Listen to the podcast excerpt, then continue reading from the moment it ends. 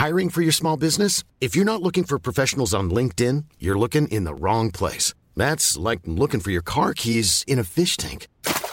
LinkedIn helps you hire professionals you can't find anywhere else, even those who aren't actively searching for a new job but might be open to the perfect role. In a given month, over 70% of LinkedIn users don't even visit other leading job sites. So start looking in the right place. With LinkedIn, you can hire professionals like a professional. Post your free job on linkedin.com slash people today. There's never been a faster or easier way to start your weight loss journey than with PlushCare. PlushCare accepts most insurance plans and gives you online access to board-certified physicians who can prescribe FDA-approved weight loss medications like Wigovi and Zepbound for those who qualify. Take charge of your health and speak with a board-certified physician about a weight loss plan that's right for you. Get started today at plushcare.com slash weight loss. That's plushcare.com slash weight loss. plushcare.com slash weight loss. Planning for your next trip? Elevate your travel style with Quince. Quince has all the jet setting essentials you'll want for your next getaway, like European linen, premium luggage options, buttery soft Italian leather bags, and so much more. And is all priced at 50 to 80% less than similar brands. Plus, Quince only works with factories that use safe and ethical manufacturing practices. Pack your bags with high-quality essentials you'll be wearing for vacations to come with Quince. Go to quince.com slash pack for free shipping and 365-day returns.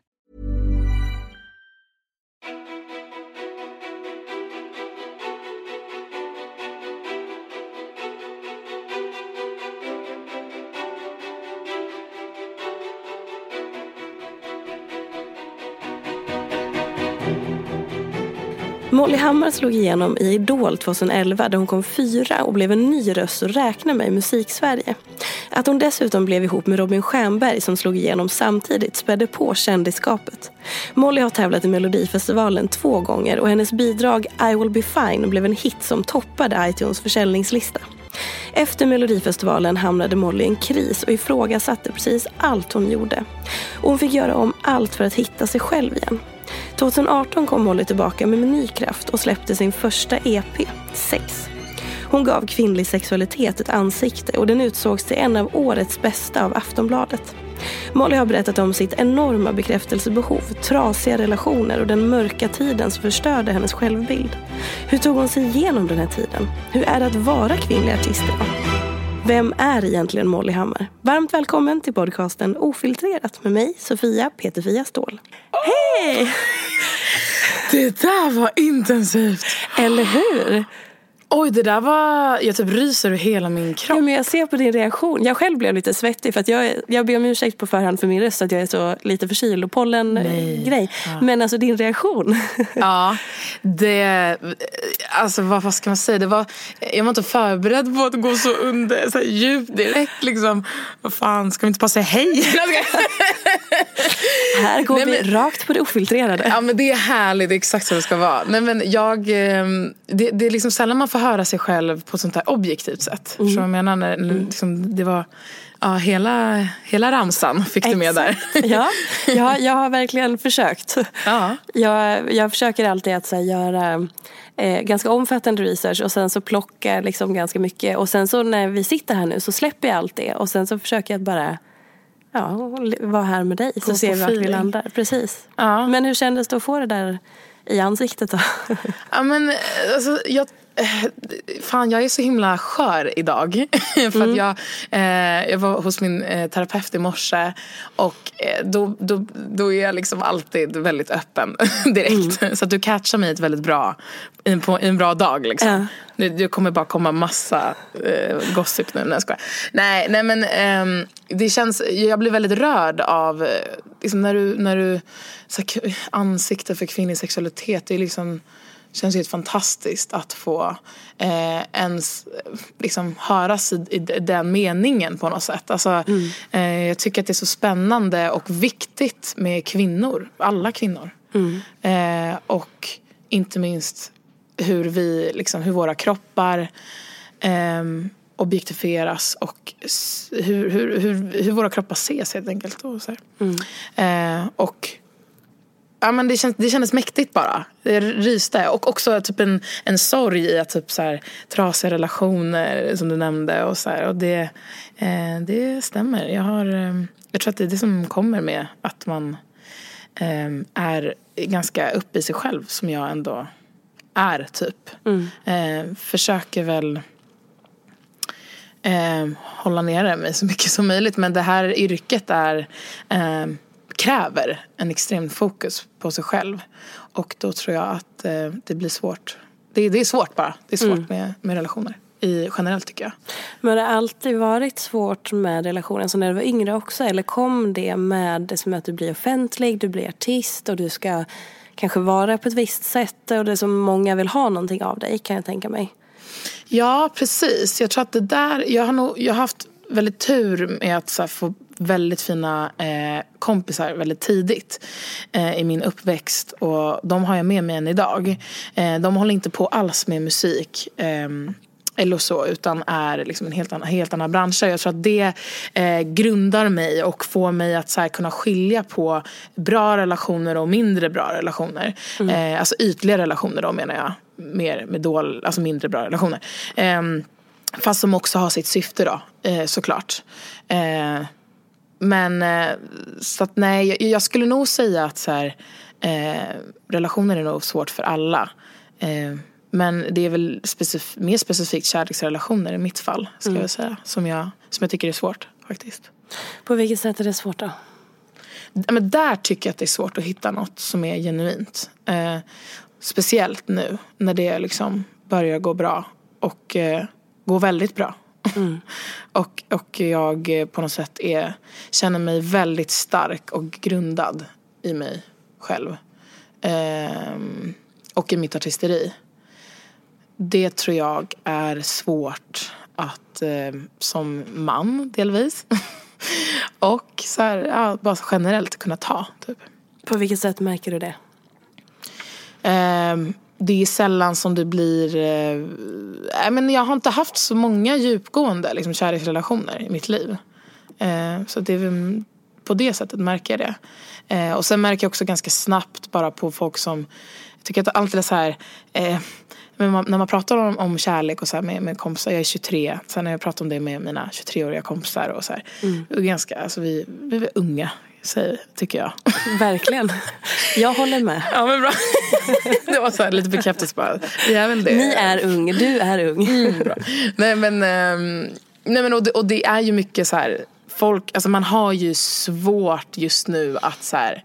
Det är, man, man är i en ung, ung vuxenperiod. Så att så här, när man pratar om kärlek så, alltså det är ju tufft. Det är ju tufft för alla tror jag. Eh, men framförallt liksom, tror jag att om man är lite offentlig så, eh, ah, jag märker ganska snabbt när det är någon som in, har andra intentioner, tyvärr. Eh, På, men på vilket sätt eh, så här, uttrycker sig det? Är det att ni, du träffar någon eller är det den typen av uppmärksamhet du får i sociala medier? Eller hur märker du det? Nej men mer typ folk som folk på krogen typ. Säger man krogen längre? Jag vet inte. Ja, jag, jag, fråga inte mig om krogen för jag vet ingenting om krogen. Nej okej du vet ingenting om krogen. Um, det är friskhetstecken för övrigt. Ja, men, eh, Jag visste saker om krogen, nu gör jag det inte längre. nej okej. You, reti- you retired. Japp. Ja jag fattar. Nej men vad heter det. Ja nej men det är väl mer folk som typ kommer fram. Alltså som, eller så här, som, som man flörtar med ute. Typ som, som man känner sig direkt bara. ehm, du har, eh, man märker det bara. Direkt när någon som En känsla. Ja, och typ någon som så här försöker mörka att man inte vet vad jag gör typ. Eh, men det kommer ganska tydligt och då är det så mycket mer charmigt om man säger att man vet vad jag gör. Eller så.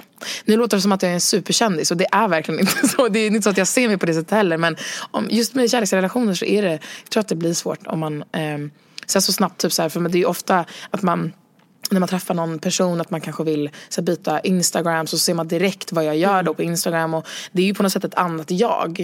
Eh, det är ju ett, ett, en upphöjnad av Alltså mitt artist Molly Hammar är en upphöjnad av vem jag är som privatperson. Eh, så Molly Pettersson Hammar som jag heter egentligen. Eller vad man säger. Eh, det, det är ju mitt, det, det kommer inte fram där. Eh, på På sätt. vilket sätt skiljer sig Molly Hammar, alltså ditt offentlig, den, artisten från privata Molly, Molly som ligger hemma i soffan och bara är Molly. Som är ledig, som bara är människan. Um, ja men artist, alltså artisten och, och liksom Molly Hammar är nog är eh, modigare. Och så helt jävla orädd. Och eh, fierce alltså. Mm. Hon är liksom orädd, cool och eh, eh, extremt stark hela tiden typ nästan. Det är lite läskigt nästan, eller? Ja, men faktiskt. Jag tror att ett nästa steg i mitt artisteri skulle vara att intrigera um, den personen som jag, alltså som jag är egentligen mitt privata jag som är betydligt mer eh, skört och eh, lite mindre, jag är, alltså, jag är alltid, jag är en person som pratar mycket och tar för mig. Um, men um, jag tror att så här, när, jag, när jag är på något sätt mingel, alltså när jag är artist så, så tar jag så vill jag alltid vara först i rummet liksom. Men då kliver du som i den här rollen? Ja. Och sen när du kommer hem så kliver du ur den rollen? Eller hur, hur funkar det för dig? När vet du, eh, när vet du att nu går jag in i den här superstarka superkvinnan Molly Hammar, min artist, det är jag. Och sen när ska du kliva ur det? Är inte det liksom svårt att få någon så här, jag vet inte, balans, balans. eller bara så här så att du inte tappar dig själv i det där? Ja men gud vad intressant att vi pratar om det här. Alltså jag, ville, jag ville komma till det här. För att jag tycker det är så jävla intressant att eh, vi ens pratar om de här två personerna. Alltså att, att ha en persona. Liksom, uh. eh, som det här är. Eh, som jag tror också att alla har. Men det kanske blir extra påtagligt när man är artist. Och, och måste ha ansiktet utåt för en själv på något sätt. Mm. På, på ett annat sätt. Eh, än vad man kanske som privatperson behöver vara. Eh, men, för, och det här, för det är så intressant, eh, för jag har liksom aldrig pratat med någon om det här. Eh, förrän nu och typ så här, den senaste veckan. Eh, och det, var, det, det känns som att det är för att jag typ för tre veckor sedan fattade, fick en liten så här käftsmäll. Eh, och jag bara så gick på stan och så bara kände jag så här, gud vad jag är långt ifrån mig själv. Mm. Eh, och sen, sen har jag liksom börjat gå lite mer i terapi efter det här. Eh, och verkligen fått en så stor realization att så här, shit, det finns två, två liksom, sidor av mig. Eh, för jag har inte tänkt, jag har inte reflekterat en sekund över att det finns två olika människor. Mm. Alltså så. Att så här, när jag går på, jag, för jag har jobbat så mycket med att så här, min image och mitt artisteri ska vara jag. Um, så att jag har tänkt att så här, de går hand i hand bara. Men det är inte så. Det är verkligen inte så. Jag fick lite det så här.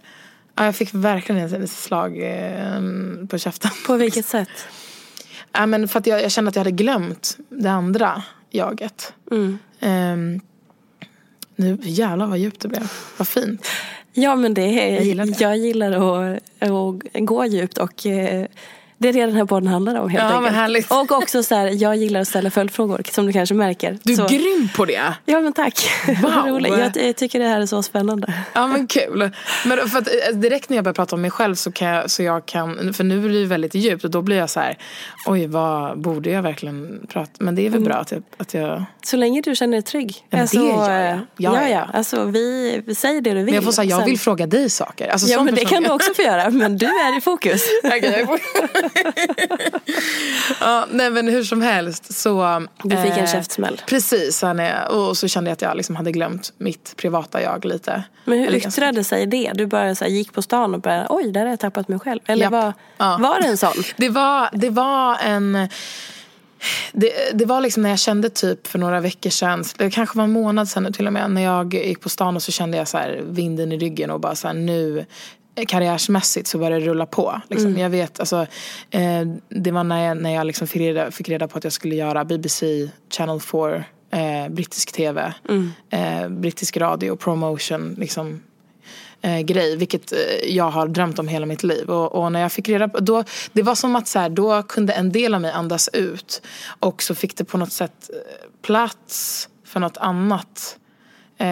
andra tankar. Och um, ja, det var lite där som jag bara, oh jävlar vad jag inte har tänkt på vem jag är utan musiken typ, mm. på länge. För att jag har varit så busy med att bygga upp den här imagen och det här jävla imperiet som jag håller på att bygga upp nu. Eh, vilket är mäktigt. Alltså det är ju så mäktigt att, att man har ja, att jag har lyckats här, ens ta mig så här långt. För att jag var liksom helt utdömd som artist för ett par år sedan. Alltså, ingen, alltså, och då menar jag så här, inte i det folkliga ögat. För att jag tror att folk alltid uppskattar röster. Och folk har alltid tyckt att jag varit bra. Men eh, branschen har liksom, tror jag så här, är man med i Melodifestivalen och det inte går bra. Det är inte så att det är, mass, det är, inte så att det är vind i ryggen efter det kan jag säga. Då är det en jävla bit att eh, springa ikapp. Och bara så här, inse typ att bara, och jag har sprungit ikapp det här nu. Eh, och nu så vill jag springa om alla. Ja, Revansch. ja, hundra procent. Är det något specifikt som gör att du känner att så här, det där, den eller det där ska jag visa att jag kan fan i mig. Ni ska inte döma ut mig. Ja, men jag tycker så här, jag är ju inne i min revansch nu. Eh, jag tror inte att någon jag liksom typ jobbade med förut egentligen tänkte att jag skulle vara på BBC Radio liksom. Eller BB, alltså BBC Channel 4 där. Eh, och sjunga med en, en, med en liksom, brittisk rappare. Ehm, för det är ju någonting som jag velat hur länge som helst och jag har pratat om det väldigt länge. Och varit väldigt öppen med det. Men eh, ingen liksom trodde att det skulle gå. Det är väldigt få svenskar som får göra det.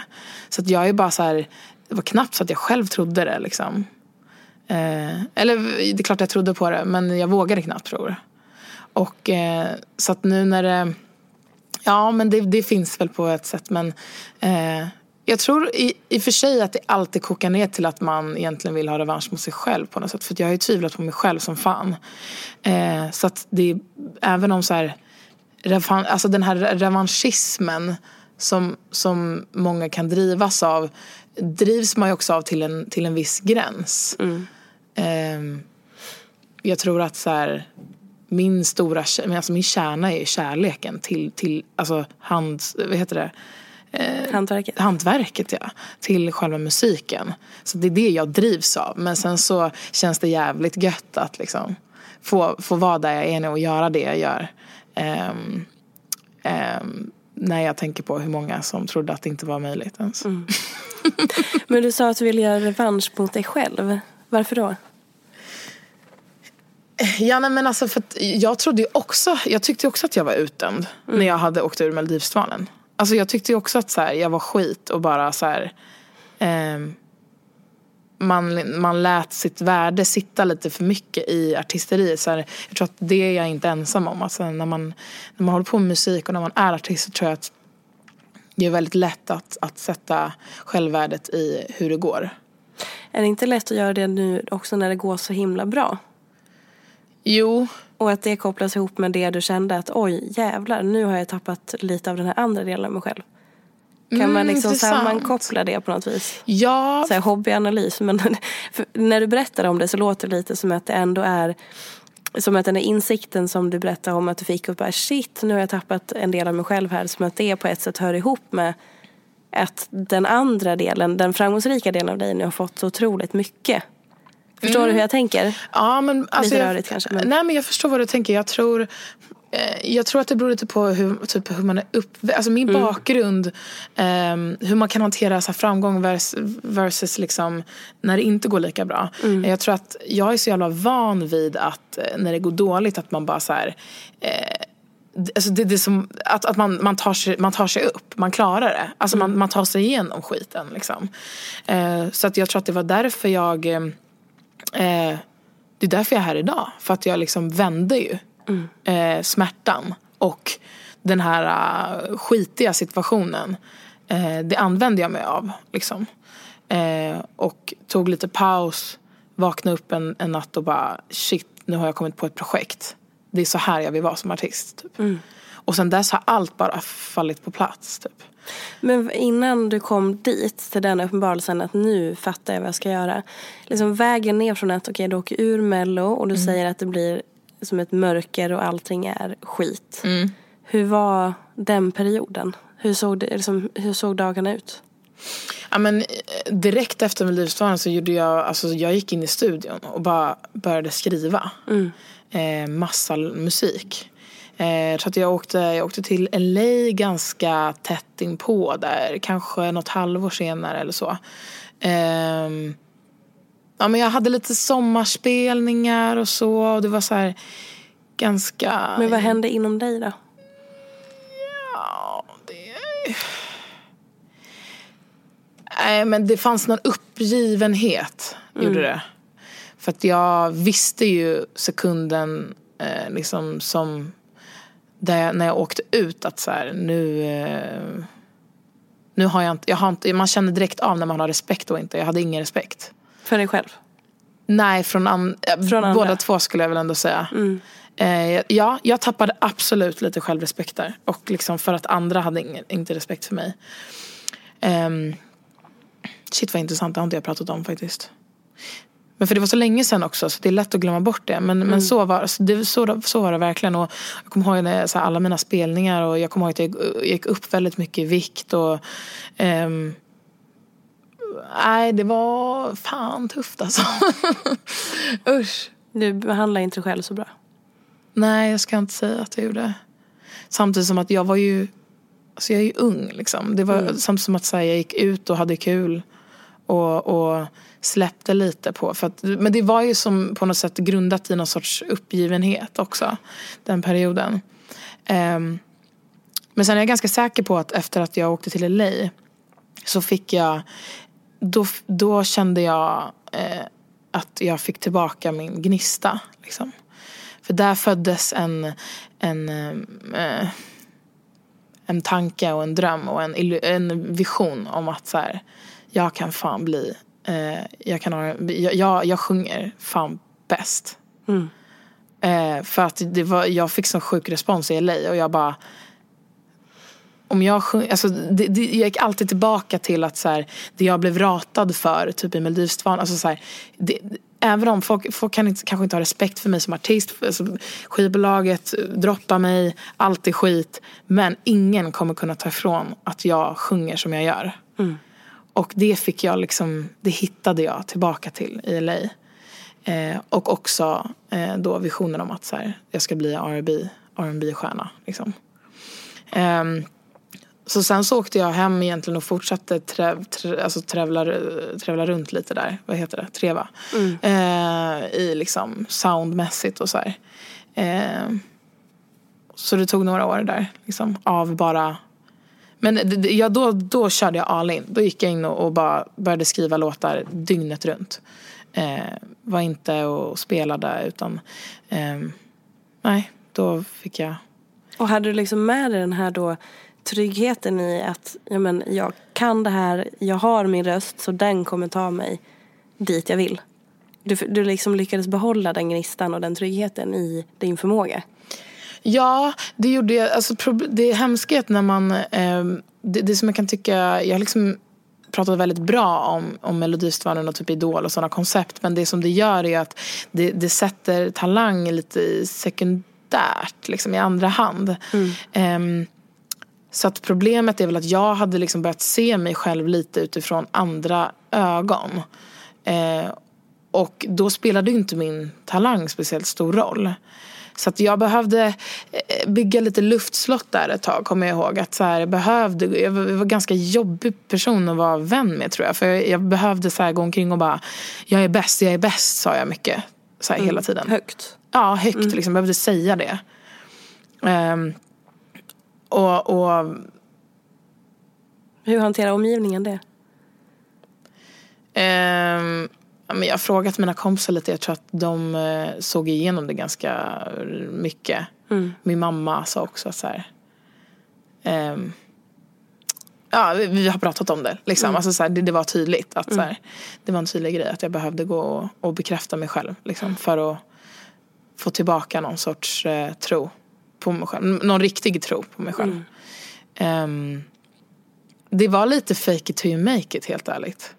Jag tror att jag typ läste någon intervju med någon annan så här, artist där, där det stod, alltså där det var någon som hade haft skittufft och bara ja ah, det är fake it you make it och sen så eh, jo, så testade jag det. Och det var nog inte så schysst mot min omgivning men det var ingen, alltså det var ingen lång period där jag var skit men Men du tycker ändå att du var skit? Mot dem var jag nog det. Mm. Periodvis, ja. Men bara för att du sa jag är bäst så är man inte skit. Nej men det blev som att så här, jag, jag, behövde bekräfta, alltså det är jobbigt att vara kompis med någon som behöver så här, bekräfta sig själv hela tiden. Mm. Uh, jag kunde liksom inte riktigt unna andra människor framgång heller. Det var bara så här, jag, jag var nog ganska destruktiv och, och så osäker att vara med. Typ. Mm. Uh, jag kommer ihåg att jag blev så jävla avundsjuk på allas, alla andras framgångar hela tiden. Um, och det vet jag, det vet jag har, satt, har varit, alltså är sår i, i några av mina relationer. Eh, att, eh, och det är inte, jag kan inte säga att det är mitt fel för att liksom, ja, vad, ska jag, vad ska jag göra liksom? Alltså mm. så, vi alla är människor och, ehm, eh, men men uttryck, uttryckte du det då? Till den här personen att du var avundsjuk eller att det liksom Fick den personen reda på att du var lite missunnsam då eller så? jag tror att vi pratade så mycket om, alltså det här det var inte riktat till en person bara utan det kunde vara, det var så generellt bara. Mm. Det var som att alla, alla i den här branschen var liksom mina fiender typ. Mm. Eh, så det, det, det, var, det, det spelade typ ingen roll om det var så en person som jag, som är eh, min kompis eller så. Utan mm. det, det kunde vara vilken artist, svensk artist som helst egentligen. Som jag bara kunde sitta och tycka var skitjobbigt att det gick bra för. Typ. Um, och det är onajs att hänga med en sån människa. Liksom. Men eh, alla har perioder och det, det var min helt enkelt. Annars skulle jag ändå säga att jag är en jävligt älskande och omtänksam vän. Mm. Eh, och framförallt nu när jag mår så mycket bättre. Har dina, har dina vänner liksom uttryckt någonting om att så här, oh, den här perioden gud vad skönt att du har, att vi har fått tillbaka vår gamla Molly eller liksom, har ni pratat om sådana här saker? Alltså vi är ju extremt eh, öppna, extremt så här, eh, har långa psykologsamtal med mina närmaste. Det är underbart. Ja det är ju fantastiskt, jag älskar ju det. Um, nej, men vi har nog inte, vi, vi är dåliga på att uh, Um, nej, det har vi inte bara. Nej, nej. nej inte gå bakåt så mycket. Exakt. Mm. Nej, vi gör inte det. Jag tror att så här, vi, vi kan skratta mycket åt så här, saker som har hänt och så. Men eh, man delar liksom inte upp det på det sättet. Så här, den här perioden nej. är uppdelad i det och så här. Så Utan, eh, eh, nej, vi, men vi har inte snackat så mycket om det. Det hade varit, kanske varit nice att göra det. För det var, nu var det ändå ett tag sedan och man har en annan distans till det som hände. Liksom. Men sen tror inte jag att, jag, jag vet inte om Just mot så här, det beror på vilka vänner man pratar om också. Jag tror att så mina, alltså Molly och Emma som är mina absolut bästa vänner eh, sen liksom som mina systrar kan man säga. Mm. Jag, det är de som inte har någonting med, liksom, de har ingenting med musik att göra. Än så länge, jag vet inte. Men eh, det där. Och vi har ju en, en relation där det är så här, jag tror inte att de kanske märkt av lika mycket. Um, att jag var missunnsam och att jag behövde. Alltså de, de är så extremt så här, accepterande. Mm. Eh, Medan jag tror att folk som eh, liksom, bästa vän, andra bästa vänner som jag har i, i den här branschen kanske märkt av det mer. Så det är liksom olika relationer som jag, som jag tror fick ta stryk, tyvärr. Hej, jag Ryan Reynolds. Recently, I asked Mint Mobiles legal team if big wireless companies are allowed to raise prices due to inflation. They said yes. And then when I asked if raising prices technically violates those onerous two-year contracts, they said, what the f*** are you talking about, you insane Hollywood ass?" So to recap, we're cutting the price of Mint Unlimited from $30 a month to just $15 a month. Give it a try at mintmobile.com slash switch. $45 up front for three months plus taxes and fees. Promoting for new customers for limited time. Unlimited more than 40 gigabytes per month. Slows. Full terms at mintmobile.com. Here's a cool fact. A crocodile can't stick out its tongue. Another cool fact, you can get short-term health insurance for a month or just under a year in some states. United Healthcare short term insurance plans are designed for people who are between jobs, coming off their parents' plan, or turning a side hustle into a full time gig. Underwritten by Golden Rule Insurance Company, they offer flexible, budget friendly coverage with access to a nationwide network of doctors and hospitals. Get more cool facts about United Healthcare short term plans at uh1.com. There's never been a faster or easier way to start your weight loss journey than with PlushCare PlushCare accepts most insurance plans and gives you online access to board-certified physicians who can prescribe FDA-approved weight loss medications like Wigovi and Zepbound for those who qualify. Take charge of your health and speak with a board-certified physician about a weight loss plan that's right for you. Get started today at plushcare.com slash weight loss. That's plushcare.com slash weight loss. plushcare.com slash weight loss. Hiring for your small business? If you're not looking for professionals on LinkedIn, you're looking in the wrong place. That's like looking for your car keys in a fish tank. LinkedIn helps you hire professionals you can't find anywhere else, even those who aren't actively searching for a new job but might be open to the perfect role. In a given month, over 70% of LinkedIn users don't even visit other leading job sites. So start looking in the right place. With LinkedIn, you can hire professionals like a professional. Post your free job on linkedin.com slash people today. Om vi går tillbaka lite till eh, när du sa att du fick det här uppvaknandet. Där Ja. du gick där för några, tre veckor sedan. Så här, vad är du i det nu? För att nu har det gått tre veckor så att du kände att du har tappat dig själv och det har varit så mycket fokus på artisten Molly och sådär. Vad har, liksom, vad har du landat i nu när det har gått tre veckor? Du har börjat prata om dina olika artisten och dig själv. Och liksom, vilka tankar har kommit efter det här? Nej men jag tror att det börjar ju mer, det börjar mest, det, bör, alltså det börjar med att ehm, acceptera det. Ehm, jag, har, jag tror att jag har blivit lugnare. Jag känner att jag har blivit lugnare eh, i både liksom mitt artist-jag och mitt, mitt privata jag. Ehm, ja, framförallt så, så tycker jag det är jävligt mäktigt att, eh, att gå i terapi. Skitviktigt. Hur länge har du gjort det? Ehm, ja, men det är kanske en månad nu, en två månader. Ehm, Tycker du att det är läskigt? nej, jag är inte rädd för, för känslor. Men jag tycker att det är jävligt fascinerande och intressant. Um, ja, I och för sig, jag kanske ljög lite där. Det är klart att det, det borde vara läskigt. Det är, det är läskigt och så här... ehm, jag tycker mer att så här, det krävs ju mod på något sätt att våga inse saker om sig själv. Och eh, se sitt egna beteende och mönster. Och liksom, ja, det, jag tycker det är väldigt lärorikt mest nu. Eh, men jag har gått jättemycket terapi när jag var liten också. Så att så här, terapi för mig i sig är inte läskigt. Det är inte läskigt för mig att prata om känslor. Nej. Ehm, tack vare. Men har du någon gång befunnit dig då i terapisoffan och känt att du så börjar förställa dig för din terapeut? Jag gjorde nämligen det vid något tillfälle eh, när jag gick min första period och hade gått i två år och så märkte jag att så här, men herregud, nu, nu är inte jag, för jag, jag tänker att när man är i terapi så måste man vara helt öppen, transparent och säga alla fula grejer som man tänker och bär på. Liksom. Man måste ju vara 100% bara rakt osensurerad, hur obehagligt den är. Och så märkte jag att jag inte var det. Utan jag började liksom säga det terapeuten ville höra. Just det. Och bara, nej nu, nu är inte det här rätt person för mig längre. För att nu börjar jag slingra mig och, jag, och hon märker inte. Har du Oh, upplevt wow. det någon gång? Men gud, det här är så, jag tycker det är så intressant att jag träffar dig nu. Det var kul. Och men så här, jag tycker det är så intressant med alla möten jag har nu. Och så sessions, musikaler, alltså allting det känns bara som att det är menat på något sätt. Gud vad flummigt. Men Ja, du vet så här, I love it. Ja, men det, är- det, är alltså, det är nice verkligen.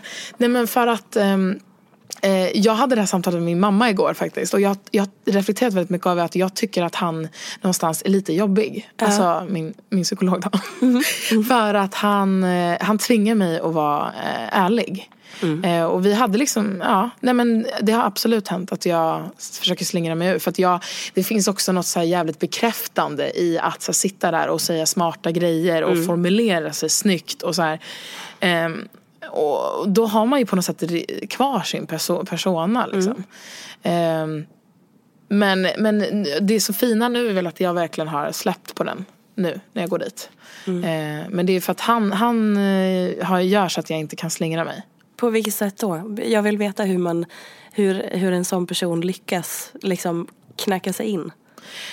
Um, men ett tyd, tydligt exempel var ju på när jag, eh, med, alltså det var bara med ord. Det var när jag, jag sa, han, han påstod någonting och sen så sa jag så här, ja så kan det ju vara. Och så sa han, men varför, varför använder du dig av you? Typ. Alltså så han, han, han, han anmärkte, jag tror att det var typ eh, Ja, men det var någonting, ett, ett- liksom en, ett ord som jag sa. Som han bara så här, varför, när du använder dig av det så eh, skapar du en distans mellan oss, sa han då. Just det. Och jag bara... Uh, Ja. ja. så här, åh jävlar. Liksom. Då var inte jag riktigt ärlig. Han bara, vad vill du egentligen säga? Jag bara, nej det jag ville säga var att jag håller inte med. Och, och, där, alltså, och sen började jag gråta som en liten flodhäst. Ehm, för att det var som att han bara hade kommit på mig då. Och efter det så var det som att allt bara fallerade. Och för att han hade anmärkt på ett ord. Alltså det var jättespeciellt verkligen. Ehm, sen tror jag att det är ganska mycket annat som han, som han gör. Men liksom det, det var som så tydligt liksom, att, han, att han var uppmärksam. Han var faktiskt väldigt uppmärksam på vad jag gjorde. Och ehm, ja, det är läskigt att bli sedd. Gud ja. Alltså bara att eh, ha ögonkontakt med människor. Ja. Det är ju jätteblottande. Eller hur? Har du tänkt på det? Alltså hur sällan ser vi folk i ögonen nu för tiden? Nu låter jag som en pensionär, men hur sällan ser vi folk i ögonen? Det är så jävla sant. Alltså man kan, jag, jag tänkte på det ja, i helgen. Och började, mina föräldrar var och hälsade på. Och så började men gud jag har inte sett pappa i ögonen än. Och vi har ju träff, hängt i typ en timme. Men du vet det var så mycket annat och hit och dit. Och så bara, hej, Ja, hej, nu just möts vi. Ja. Men man kan ju sitta på möten med folk eller man kan träffa sin kompis och man sitter bredvid varandra eller går bredvid varandra. Man har ju inte ögon, ögonkontakt. Nej men det är så sant. Ja. Och det är så viktigt på något sätt. ja, men för ögonen säger väl nästan allt om hur personen mår eller vad man tänker. Alltså jag tycker att vi kommunicerar ju så mycket med våra ögon. Mm. Verkligen. Jag har inte ens men vi, vi sitter ju och tittar varandra väldigt mycket i ögonen. Ja. Jag har inte ens reflekterat över det. Nej, och, nej precis. Nej. Det är intressant. Mm. För det brukar Det sitter jag och tänker på när jag är med min terapeut. Typ. Mm. Att jag bara så här, nu måste jag sitta och titta i ögonen. Tycker du att det är jobbigt?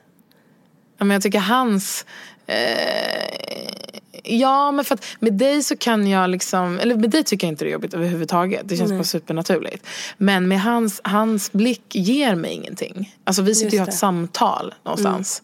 Eh, han är väldigt så här, avskärmad liksom. Får man ens prata så här mycket om sin terapeut? Ja, du har ju inte sagt vem det är. Nej, exakt. Då, alltså, nej, ja det tror jag. Alltså det väljer vi själv. så länge vi inte ger ut hans namn, telefonnummer. Han heter... Exakt. Men eh, även om ni inte ser, du inte gillar att se hans, eh, möta hans blick så verkar det ändå som att han lyckas hitta dig ändå. För jag, jag kan uppleva att om jag träffar människor som jag inte är bekväm med att ha ögonkontakt med så är jag inte så bekväm överlag med den personen. Eller att jag liksom förstår att det är, så här, ja. det, det är någonting i det mötet. Som är väldigt avklätt. Ju. Ja, Mm. Ja, det är intressant faktiskt med ögonkontakt. ja men det är det. Jag stirrar dig i ögonen. Ja, du blir bara... Nej. Nej men vad intressant. Men om vi går tillbaka till absoluta början. För i mitt intro så sa jag att eh, du, är en, du blev ett ansikte för kvinnlig sexualitet. Och så blev du så glad över det och kände att det här var mäktigt. Varför har det blivit viktigt för dig? Att eh, som vara en stark kvinna eller just med din EP sex och sexualiteten och hela det där. Men jag tror att många har haft så mycket att säga om min kropp hela mitt liv. Eh, vuxit upp med att ha varit, eh, eller så jag är kurvig, en kurvig kvinna.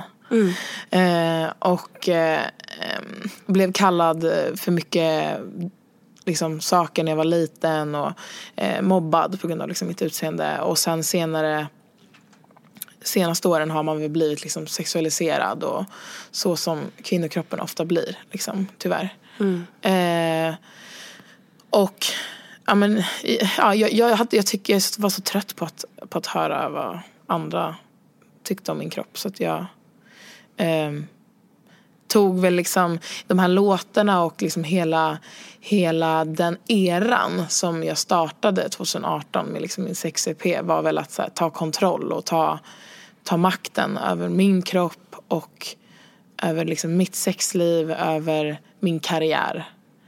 Ehm, så att det är väldigt symbolisk. Men, och du sa att folk kallar dig saker. Och liksom, vad, hur har folk uttryckt sig när du var yngre? Nej, På, alltså väldigt eh, så här, eh, vad heter det? På väldigt enkla sätt. Alltså så här tjockis och köttbulle och liksom. Eh, kallat mig eh, väldigt eh, osmarta saker. Ointelligenta eh, skällsord verkligen. Ehm, och liksom inte haft så mycket kompisar och Ja, men det var så jobbigt, jobbigt att vara liten och se ut på ett annat sätt. Ehm, och gilla andra saker och faktiskt vara typ bra på det också. Ehm, för vi lever ju inte i, i ett land där det är fett att vara skitbra på en grej. Nej. Eller flera för den delen. Nej, verkligen. Det är eh, hundra procent. Äh, jätteintressant verkligen. Eh, och speciellt där liksom i så här medel, medelklassförorten Älvsjö. Det är ju... Eh, ja, nej men det är speciellt. Det, det är fan jobbigt. Jag kan tänka mig att det är jobbigt att växa upp var som helst i och för sig. Eh, och förvisso var det ett extremt privilegierat eh, samhälle liksom, att växa upp i. Men... Ehm, Nej, men det var tufft för mig. Alltså det var, det var inte, jag var jävligt med utanför väldigt mycket och så här.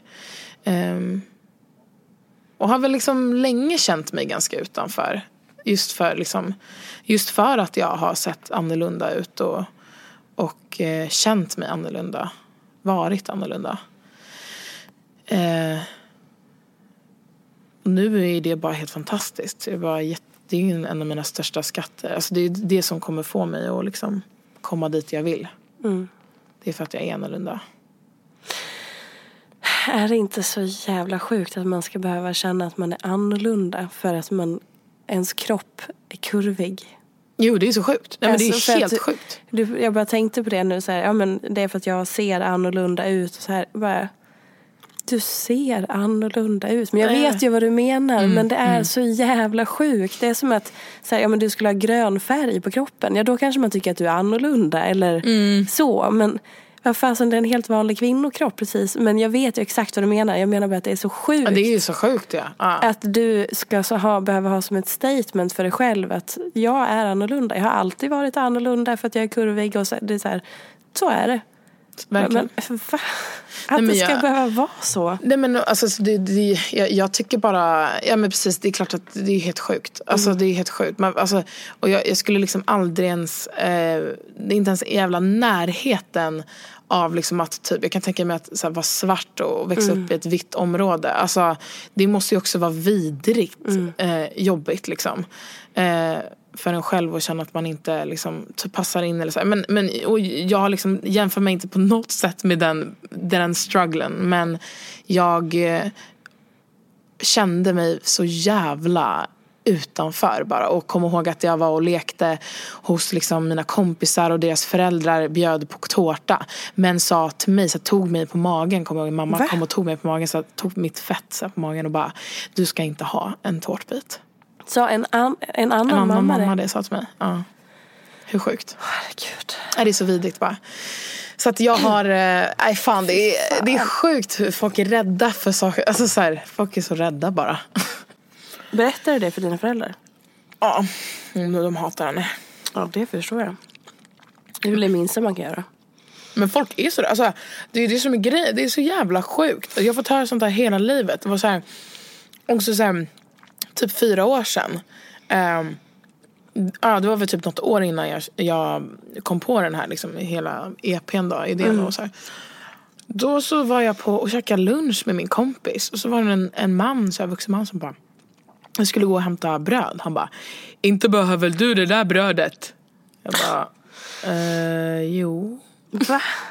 Ja men du vet, alltså folk är idioter. Men va?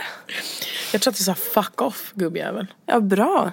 Ja. Skönt att du är snabbtänkt. Jag kommer alltid på allting efteråt när jag har gått därifrån. Jo jag vet. Men det är efter ett liv av att ha människor som tycker och tänker om din kropp så ja, man har lite så innestående phrases som man kan dra fram lite då och då.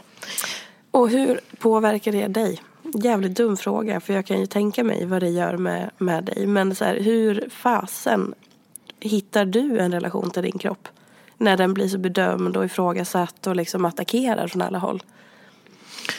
Ja men exakt, jag tycker att det här är så intressant. För att Det är som att jag liksom har en kärleksrelation med min kropp. Jag vet inte varför. Jag bara har alltid haft en så här grundkärlek till min kropp. Um, jag har Trots liksom... allt det där. alla, alla de där grejerna. Ja, men, för jag tror att jag har vuxit upp i ett hem där, där vi pratade aldrig om kroppar eller mat eller utseende. Mm. Extremt bara så här jag tror att jag har större issues med att så här, prestationsångest och, och att så här, vilja bli bäst. Typ. Det, är liksom, det är issues som jag har fått ifrån min familj. Liksom. Mm. Mm. Men något som jag har fått är ju verkligen att jag är extremt befriad eh, när det kommer till liksom den här skönhetshetsen och så här, egentligen inte ens så intresserad av det. Alltså jag, varit, jag, jag, jag skulle säga att så här, jag har blivit mer ytlig eh, de senaste åren. Men, men liksom jag har vuxit upp och varit så extremt bara så här, ta på mig en tisha och sen ser vi vad som händer. Alltså jag bryr mig inte. Jag kollar inte ens i spegeln när jag går hemifrån. Alltså så. Varför har du blivit mer ytlig nu då? nu de senaste åren? För att man anpassar sig lite efter. Det är jobbigt att, och, det är jobbigt att vara annorlunda. Mm. tycker jag. Jag tycker det är jobbigt att, att um, det, det kan vara skönt att låtsas lite. Att jag bryr mig om kläder och sånt där ibland. Ja. Samtidigt, och sen så försöker man också hitta mening med det. Typ som jag, kan, jag, kan, jag har hittat att så här, kläder kan ju förmedla så mycket när det kommer till att så här, man har ett, ett, ett artist, alltså man, det, det, kan ju förmedla mycket, det säger mycket. Eh, och en, är en del av artisteriet. Så det kan jag tycka är kul på grund av det. Men grund, grundmålet tycker jag inte det är kul. Nej. Alltså då tycker jag egentligen bara att typ fotboll, musik och killar är kul. Mm. Men så att du, då menar du att du, så här, du får aldrig eh, den här, eh, gud vad hemskt att jag säger den klassiska så här, nu måste jag ändra min kropp, fy fan vad hemskt allting, du vet inför mens eller att man måste gå ner i vikt för att vi har ett helt skevt ideal som tär, ja, tär sönder folk i huvudet. Så. Ehm, jag känner att du är helt, du får aldrig sådana ryck att nu måste jag ändra på mig. Nej. Jag, det är så, jag vet att det här är vidrigt att lyssna på för jag vet, tro mig, jag vet hur hur omringad jag är av människor som har liksom panikångest om sina kroppar. Mm. Alltså så.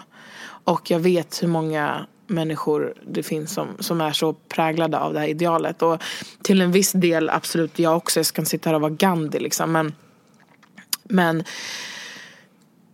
jag, jag har inte vuxit upp av att så här, alltså så här, jag har haft problem med min vikt hela mitt liv. Min matsmältning är fett seg. Jag kan inte äta som alla andra för då liksom, kommer jag väga 200 kg imorgon liksom. KG, kilo. Mm. Um, så att jag har liksom behövt gå, jag har gått eh, till sjukhus och jag har gått till läkare och jag liksom så här, under min uppväxt för att hålla koll på det här. Uh, alltid haft liksom högt um, BM, uh, BMI, mm, mm, heter det.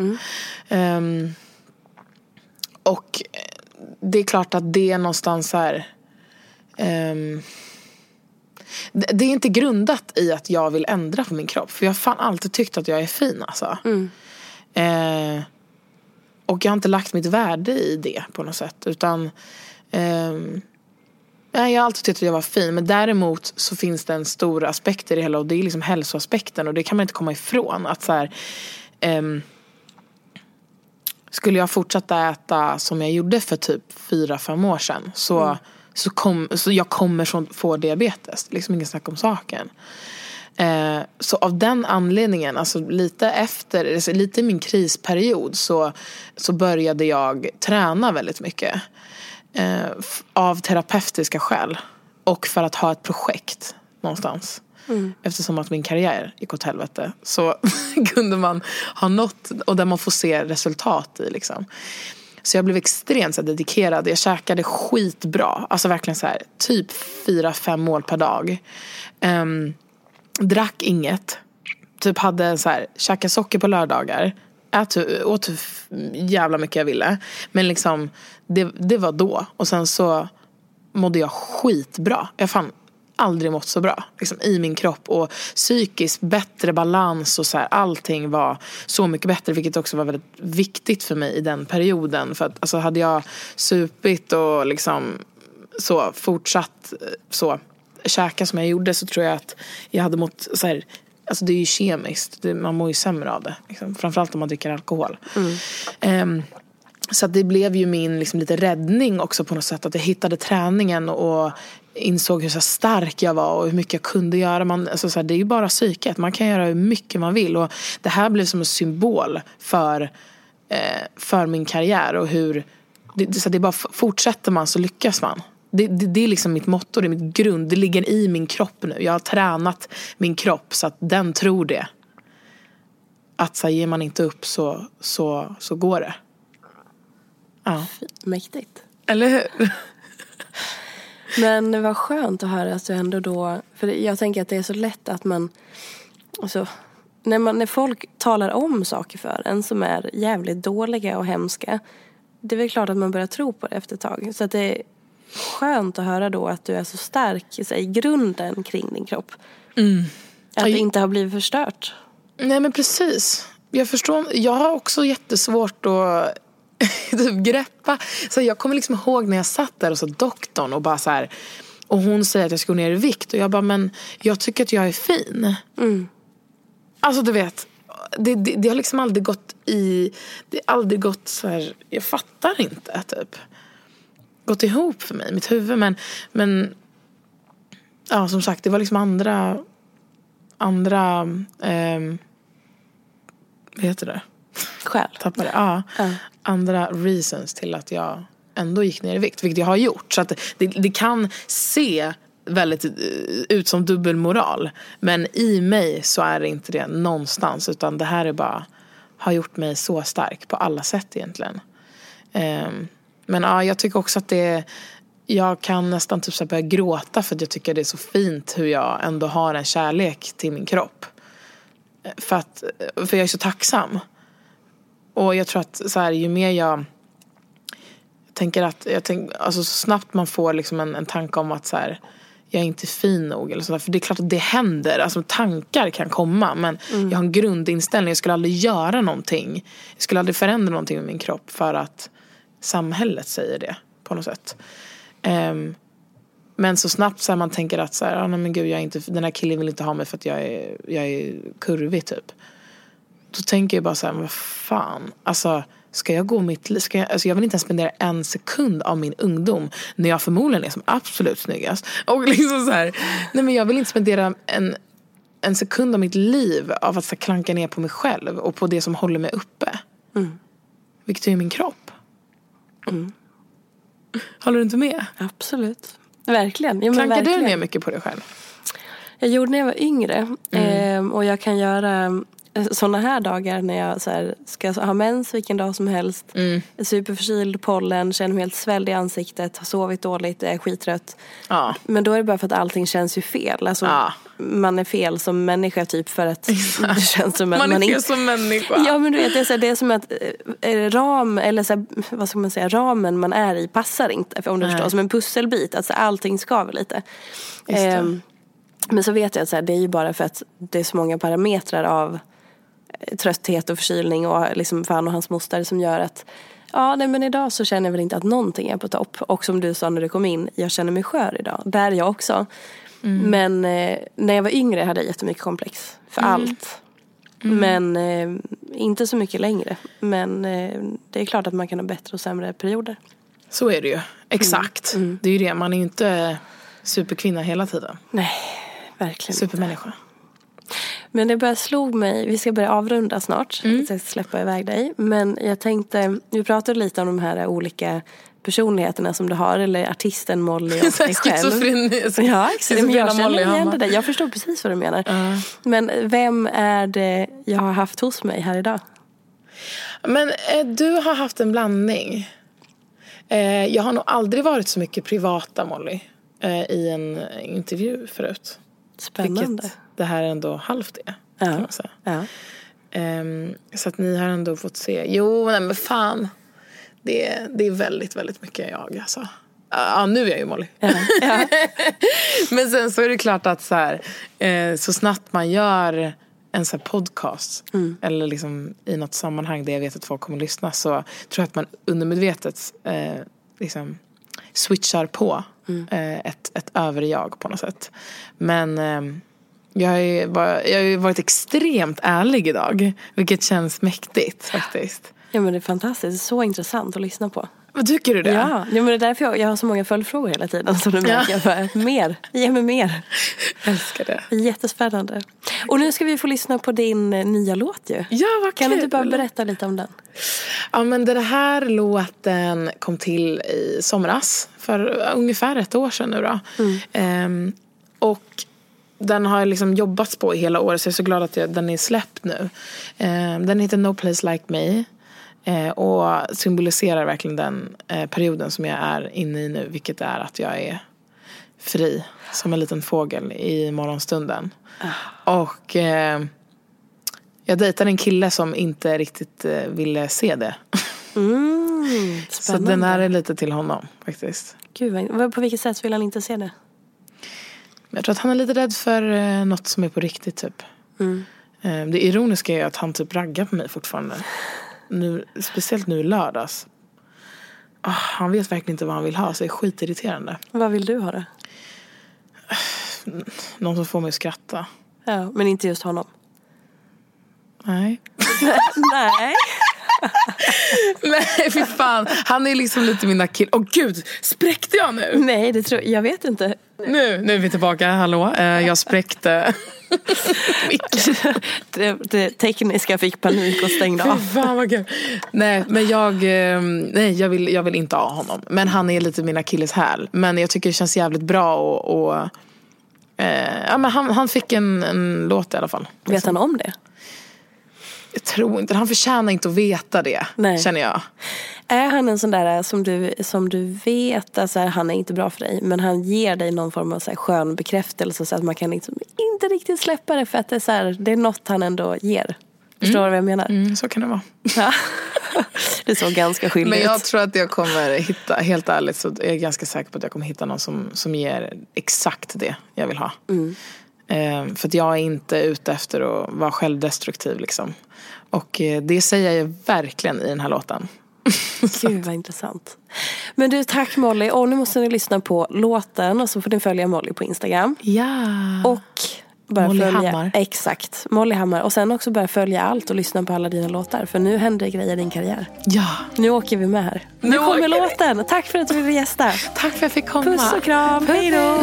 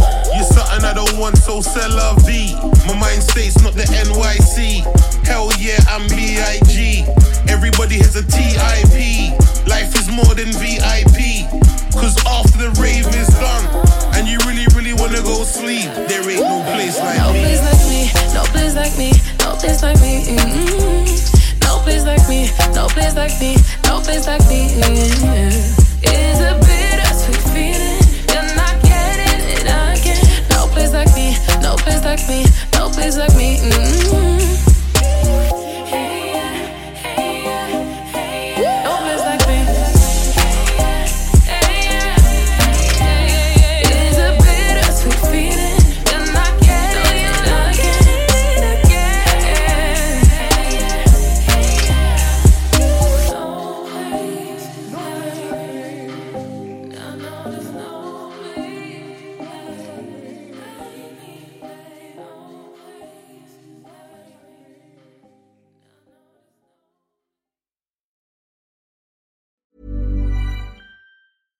Hey, it's Paige DeSorbo from Giggly Squad. High quality fashion without the price tag. Say hello to Quince.